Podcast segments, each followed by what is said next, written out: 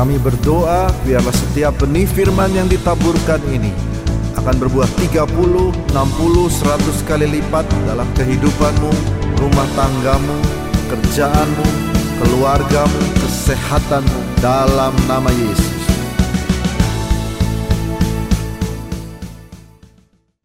Tema daripada firman Tuhan dalam dua bulan ini adalah tentang keluarga, ya tentang keluarga.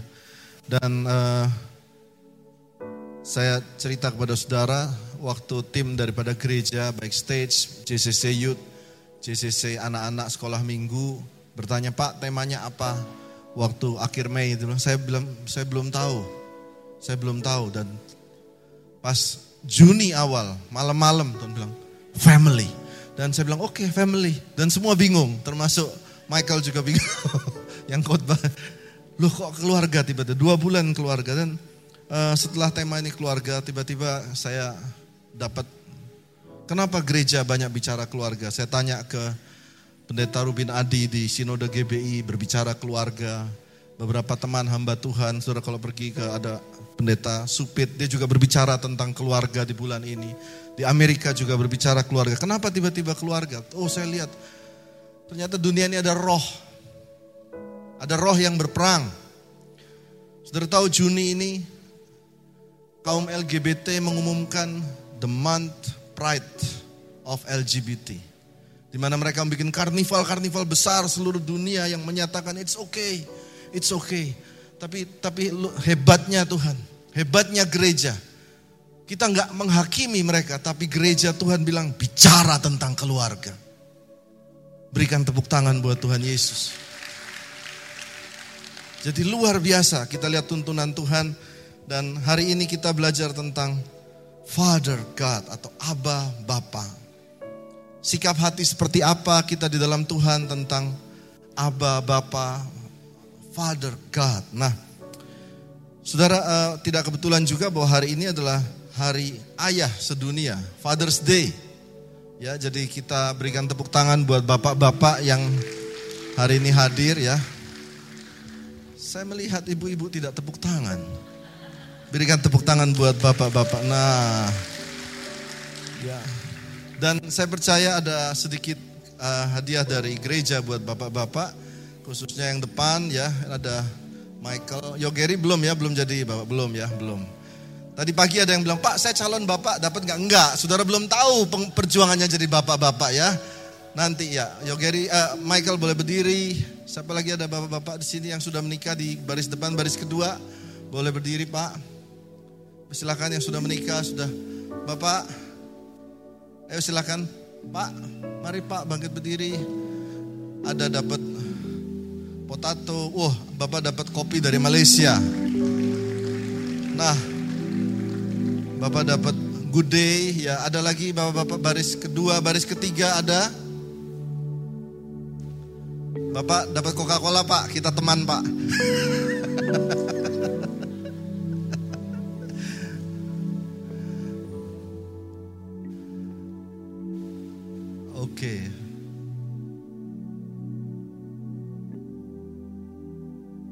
energen Pak.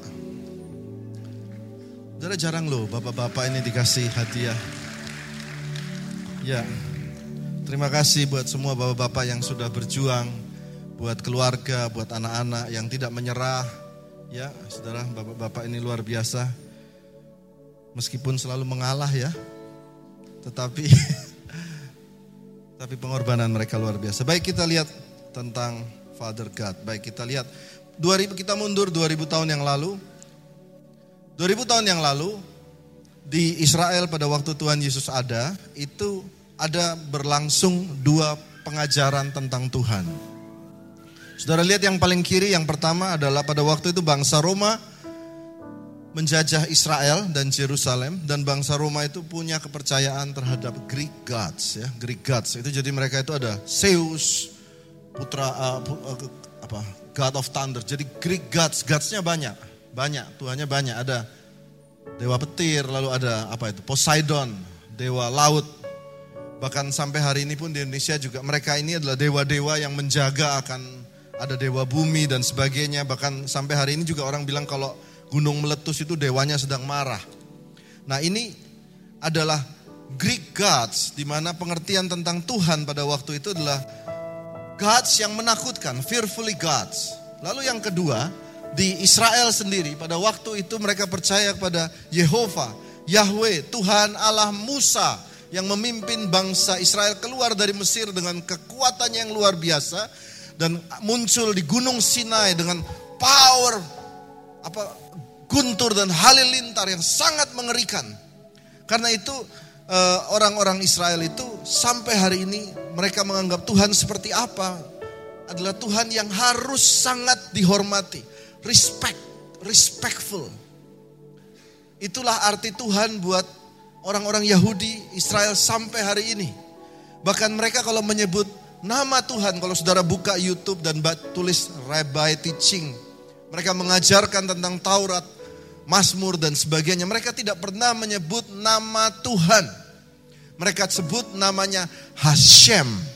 Coba katakan bersama saya, Hashem. Hashem itu apa? The name.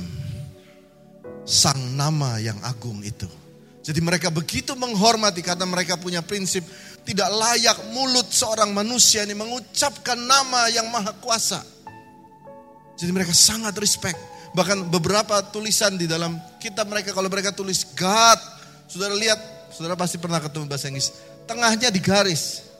Bukan G-O-D, tapi G strip D.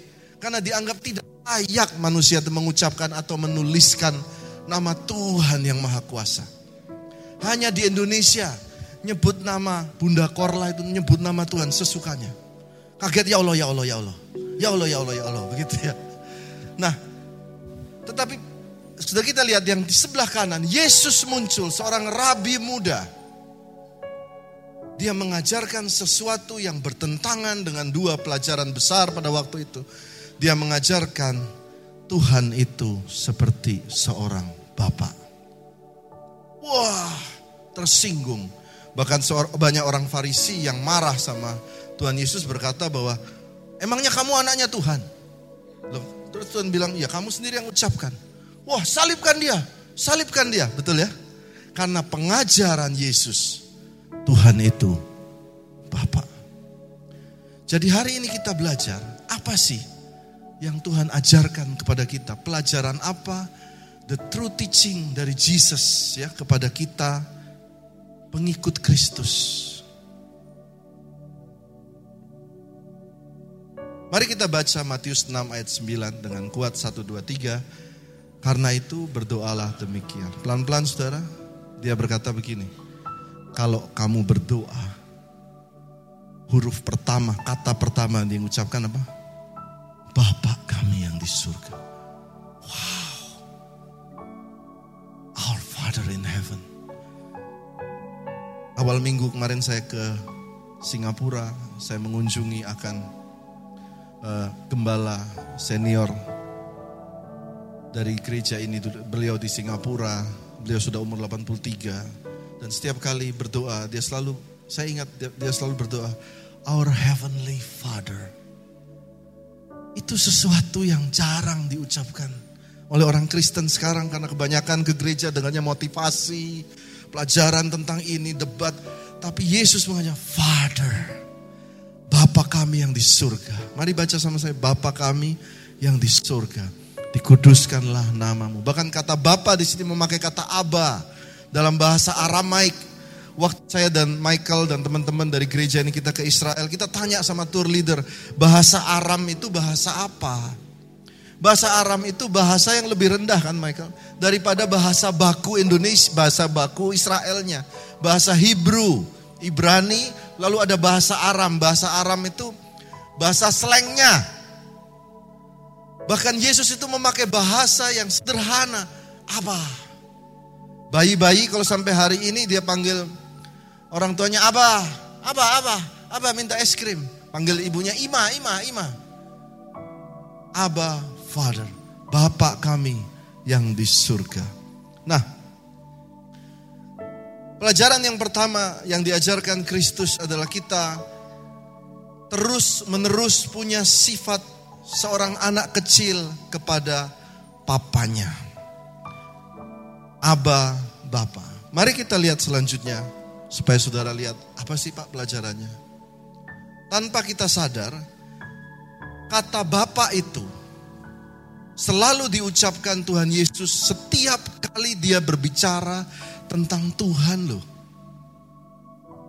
132 kali tercatat Bapak, Bapak, Bapak, Bapak.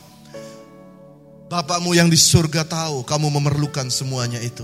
Kalau kamu khawatir makanan, pakaian, Bapakmu di surga memelihara bunga di bakung, memelihara burung di udara. Masa Bapakmu di surga? Saudara ingat? Selalu Bapak, Bapak, Bapak. 132 kali. Jarang sekali dia sebut kata Tuhan. Sekali loh. Sekali. Kapan? Waktu dia disalib. Dia berteriak sekali itu. Eloi, Eloi, Lamak Sabaktani. Tuhanku, Tuhanku, mengapa engkau meninggalkan aku? Kenapa dia sebutkan Tuhan meninggalkan dia? Karena waktu itu dia ambil semua dosa termasuk dosa saya yang sedang berdiri di mimbar, dosanya pemain keyboard, dosanya stage manager di belakang, dosanya bapak ibu semua, dia taruh dalam diri dia sehingga Tuhan memalingkan wajahnya tapi sekali tok. Setelah itu dia berkata, Bapak, ke dalam tanganmu kuserahkan nyawaku. Jadi pelajaran Kristus itu Tuhan seperti Bapak 132 kali. Nah hari ini semua kita mengingat akan ini semua. Kita selalu pakai kekuatan kita dalam menghadapi kehidupan. Oh pak saya sudah besar, saya sudah tanggung jawab. Saya, saya bukan anak kecil, saya bukan Nanti saya akan tunjukkan saudara ayatnya ya. Mari kita pelan-pelan. Mari kita baca ayat ini. Mari saudara baca bersama-sama dengan satu, dua, tiga. Sampai masa tuamu, aku tetap dia. Dan sampai masa putih rambutmu, aku gendong kamu. Lihat ayat selanjutnya. Aku telah melakukannya dan mau menanggung kamu terus. Aku memikul kamu dan menyelamatkan kamu. Lihat, dikatakan aku telah melakukannya. Dan aku mau terus melakukannya. Siapa yang gak mau? Kita yang gak mau. Kita berasa kita udah besar, kita udah enggak saya bukan anak kecil dan sebagainya. Tetapi tahukah saudara, sampai umur berapapun kita ya, masuk saya, saya masih merindukan sebuah sosok ayah yang melindungi, menjaga, berdiri di depan saya. Bagaimana dengan saudara? Tuhan bilang aku mau. Tapi maukah saudara punya sifat seperti anak kecil di hadapan Tuhan? Saudara kita lihat lagi ayat selanjutnya. Mari kita baca dengan keras ayat ini. Tetapi Yesus berkata, biarkanlah anak-anak itu. Janganlah menghalang-halangi mereka datang kepadaku Sebab orang-orang yang seperti itulah yang empunya kerajaan surga. Lalu ia meletakkan tangannya atas mereka dan kemudian ia berangkat dari situ. Yesus berkata, "Jangan halang-halangi anak kecil itu, sebab anak kecil itu yang empunya kerajaan surga." Nah, saya tanya tadi pagi saya tanya kepada jemaat, apa sih yang kita cari di dunia ini? Bukankah yang kita cari semuanya adalah kerajaan surga, Bapak Ibu? Apa sih kerajaan surga itu? Rasa nyaman, rasa penuh, rasa dicintai, rasa diterima, rasa diakui. Bukankah itu yang diberikan kerajaan surga buat kita? Tetapi kita mencarinya dengan cara status, dengan cari uang, dengan cari kesuksesan tetapi kalau saudara mau mengalami kerajaan surga, diterima, dicintai, diakui, dan semuanya itu, Yesus kasih kunci sederhana. Seperti anak kecil. Dia bilang, hah? Is that simple? Tadi pagi jam 3, saya bilang, ini firman gak terlalu sederhana apa Tuhan? Apa ini gak terlalu bermimpi dan kayalan Tuhan? Dan Tuhan bilang sampaikan saja urusan mujizat urusanku kata Tuhan. Oke. Bukan urusan saya. Alkitab yang ajarin di sini. Betapa sering kita sering pakai kekuatan kita, bukan? Dia bilang seperti apa sih anak-anak itu menyambut Tuhan? Seperti apakah anak-anak menyambut kerajaan surga? Seperti apa anak-anak menyambut sebuah kerajaan atau ayahnya bagaimana sih? Mari kita pernah waktu kecil you just don't care about others waktu pa, ma. Dan orang tua kita melindungi kita, bawa masuk ke rumah. Waktu Joy Mungkin dia takut akan sesuatu akan terjadi di sekolah, ujian atau apa. Dia bilang, Pak, Sedangkan kita sekarang dipenuhi dengan jaim dan kadang-kadang kita datang ke gereja bukan dengan Pak, tapi selamat siang. Saya baru parkir di bawah. Uh. Kehausan akan seorang bapak anak pada bapaknya hilang. Maukah kita datang pada Tuhan kata, "Pak, oh kurang ya? Pak!" need you. Aku datang ke gereja mencari Bapakku yang di surga. Atau Anda datang ke gereja seperti mau bertemu dewa-dewa Yunani tadi. Haleluya. Mari kita datang seperti seorang anak kepada bapaknya. Amin. Berikan tepuk tangan buat bapak kita. Punya sifat seperti anak kecil. Kita semua punya bapak yang kuat, bapak yang besar dan dia mau menggendong kita sampai putih rambut kita. Berikan tepuk tangan buat Tuhan Yesus. Poin yang kedua, saudara, yang selanjutnya,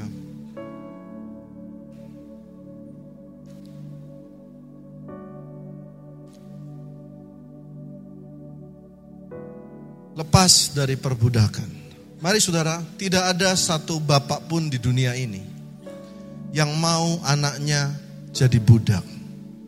Tidak ada, Pak Bu. Tidak ada. Bahkan sesusah-susahnya seorang bapak, tidak ada yang mau lihat anaknya itu jadi budak. Betul tidak? Gak ada yang mau. Jadi ayat ini ditulis lepas dari perbudakan. Kita harus tahu sifat Bapak kita dan apa yang Bapak kita minta. Kita lihat dari Roma 8 ayat 15,16 mari kita baca bersama-sama dengan kuat. Sebab kamu tidak menerima roh perbudakan yang membuat kamu menjadi takut lagi. Tetapi kamu telah menerima roh yang menjadikan kamu anak Allah oleh roh itu kita berseru dengan kuat ya Aba ya Bapa. Itu kata ya Aba ya Bapa itu artinya Pak tadi itu. Biar saudara ingat pas pulang.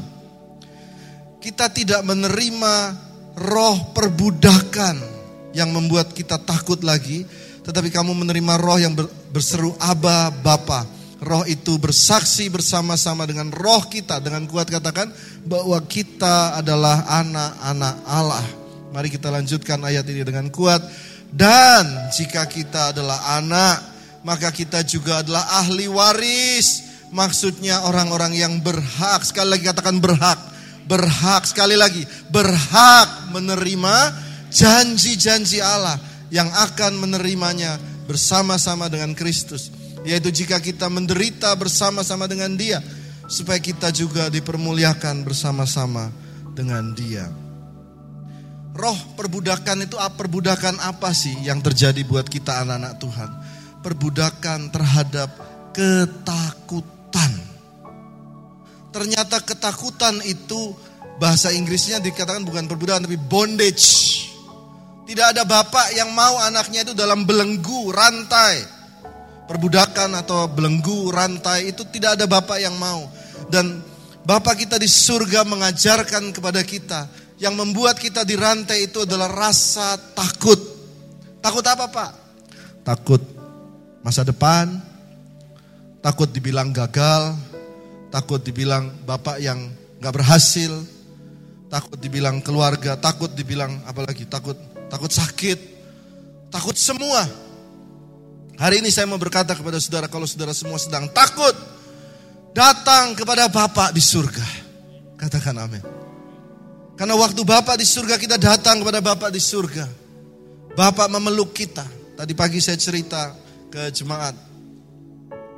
Pak, Bu, kalau Bapak di pelok Pak Jokowi gini, sebelahnya Jaksa Agung, sebelahnya Kapolri ya Pak Ritongam di pelok.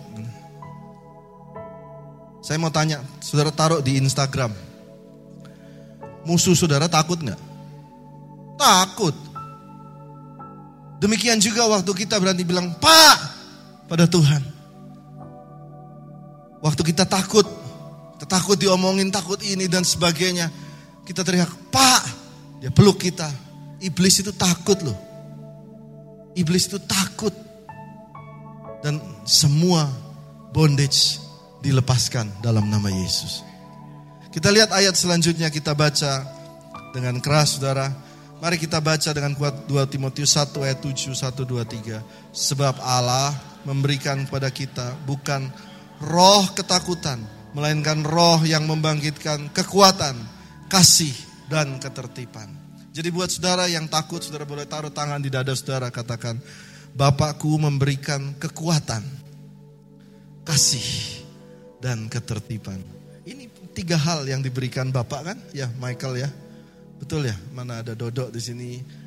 Bukankah tiga ini yang diberikan Bapak? Strength. Kekuatan seorang Bapak. Bapak itu kuat kalau buat anak-anak ngangkat meja, tutup pintu, asal jangan disuruh bapaknya masak wajan ya. Bapak-bapak biasa takut sama minyak. Rahasianya. Lalu Bapak juga memberikan kasih dan juga ketertiban. Inilah yang diberikan Bapak kita. Nah, kita lihat begitu banyak ketakutan yang ada di bumi di, di, di bumi ini. Segala macam jenis ketakutan, sudah takut, aduh saya takut ini, saya takut ini, saya, itu itu bukan dari Tuhan. Dan apabila engkau takut, ingat ayat ini. Bapak mau kita datang pada dia. Ya, ada begitu banyak takut ketinggian, takut terbang, takut ke, ke dokter gigi ya, takut banyak sekali. Banyak sekali ketakutan, takut, takut apalagi takut aduh takut diomongin RT, takut dia, aduh banyak sekali.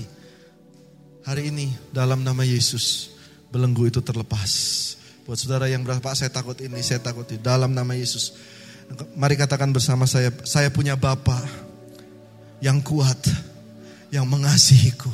Sekali lagi saya punya Bapa yang kuat, yang mengasihiku. Berikan tepuk tangan buat Tuhan Yesus. Saya masih punya waktu sedikit lima menit dan saya akan tutup. Yang ketiga adalah berani meminta di hadapan Bapak berani meminta. Saudara, kalau saudara berkata, Pak saya sudah minta bertahun-tahun.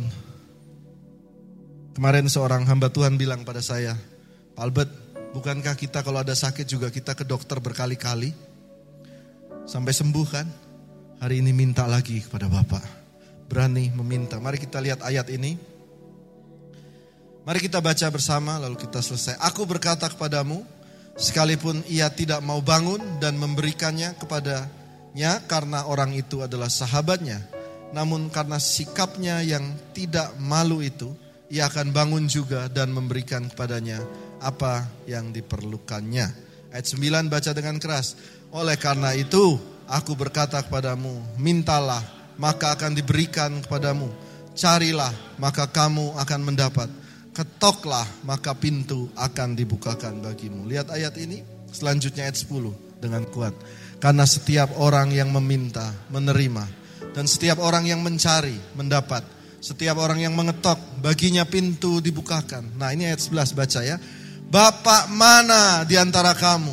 Jika anaknya minta ikan daripadanya, dikasih ular kepada anaknya itu ganti ikan. Lalu atau jika ia minta telur, akan memberikan kepadanya kala jengking, ayat 13. Jadi jika kamu yang jahat tahu memberi pemberian yang baik kepada anak-anakmu. Apalagi Bapakmu yang di surga. Ia akan memberikan roh kudus kepada mereka yang meminta kepadanya. Mari kita lihat ayat ini.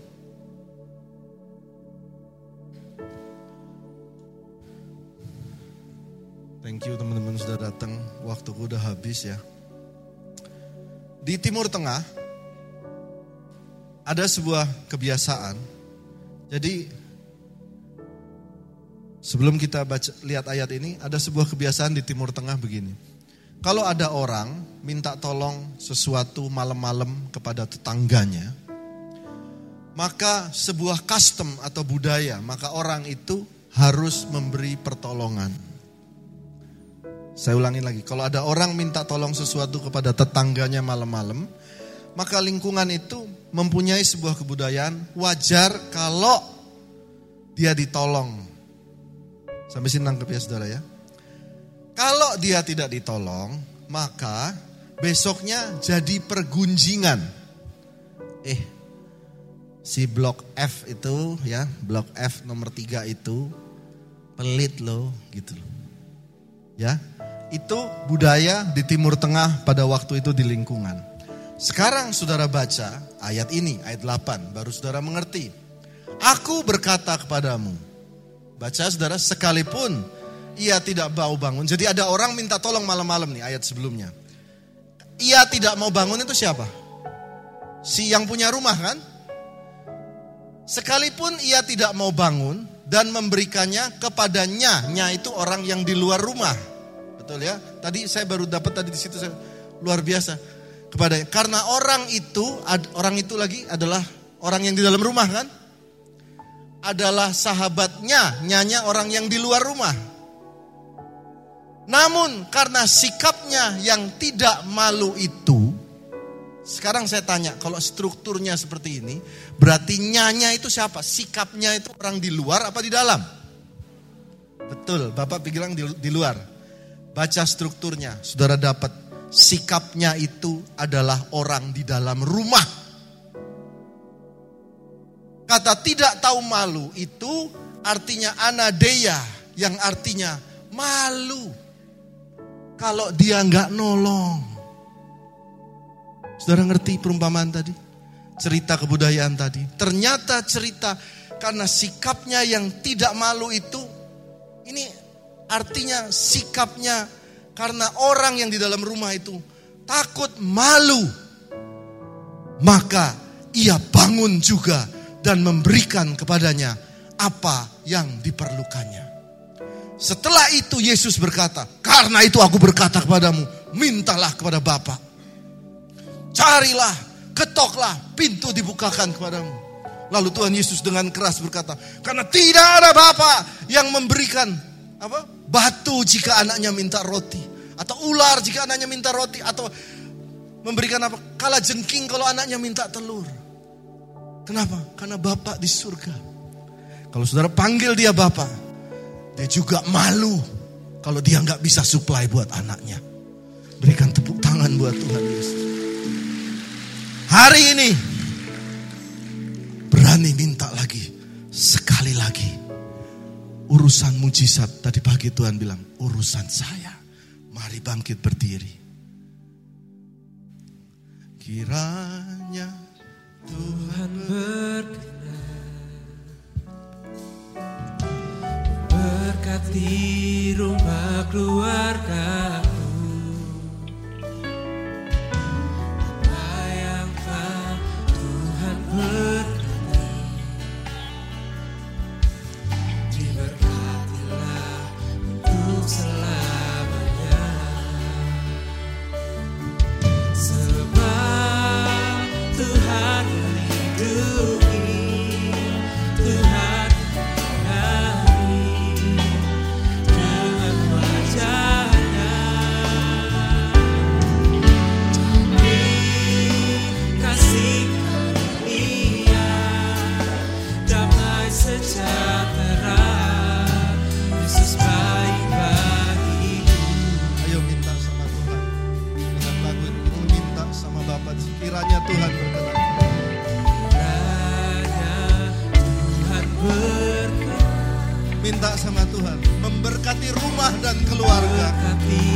rumah keluar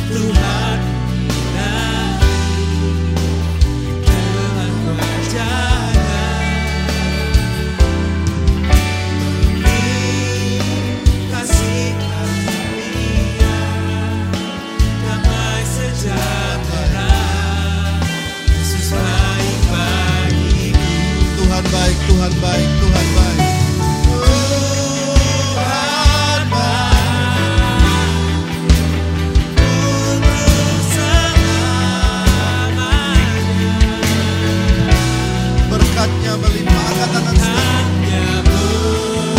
taruh tangan di dada saudara seumur hidupku minta sama Tuhan.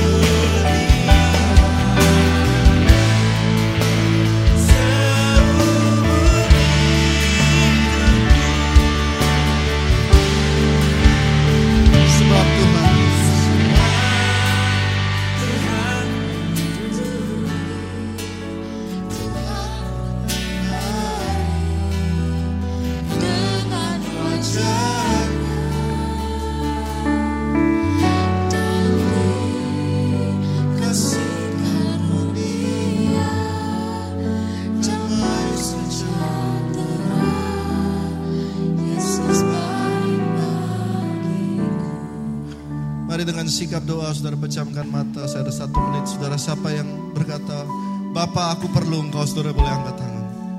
Tuhan hamba berdoa buat setiap tangan. Mereka mau memanggil Bapak kembali. Bapak yang kuat Bapak yang penuh kasih Bapak yang mengakui Bapak yang memulihkan Bapak yang mengembalikan status mereka kembali. Bapak yang penuh kuasa. Boleh terjadi buat kehidupan kami semua. Tuhan kami tidak kuat. Kami seperti anak-anak di hadapanmu tetapi engkau punya kekuatan yang tak terbatas, koneksi yang tak terbatas, kemampuan yang tak terbatas, mujizat yang tak terbatas berlaku buat kami anak-anakmu, anak-anakmu, kami semua anggota keluargamu. Dan biarlah seperti firman itu, Tuhan, bukankah Tuhan akan memberkati? Dan Tuhan memberkati setiap kami. Terima kasih Tuhan, terima kasih Tuhan, terima kasih.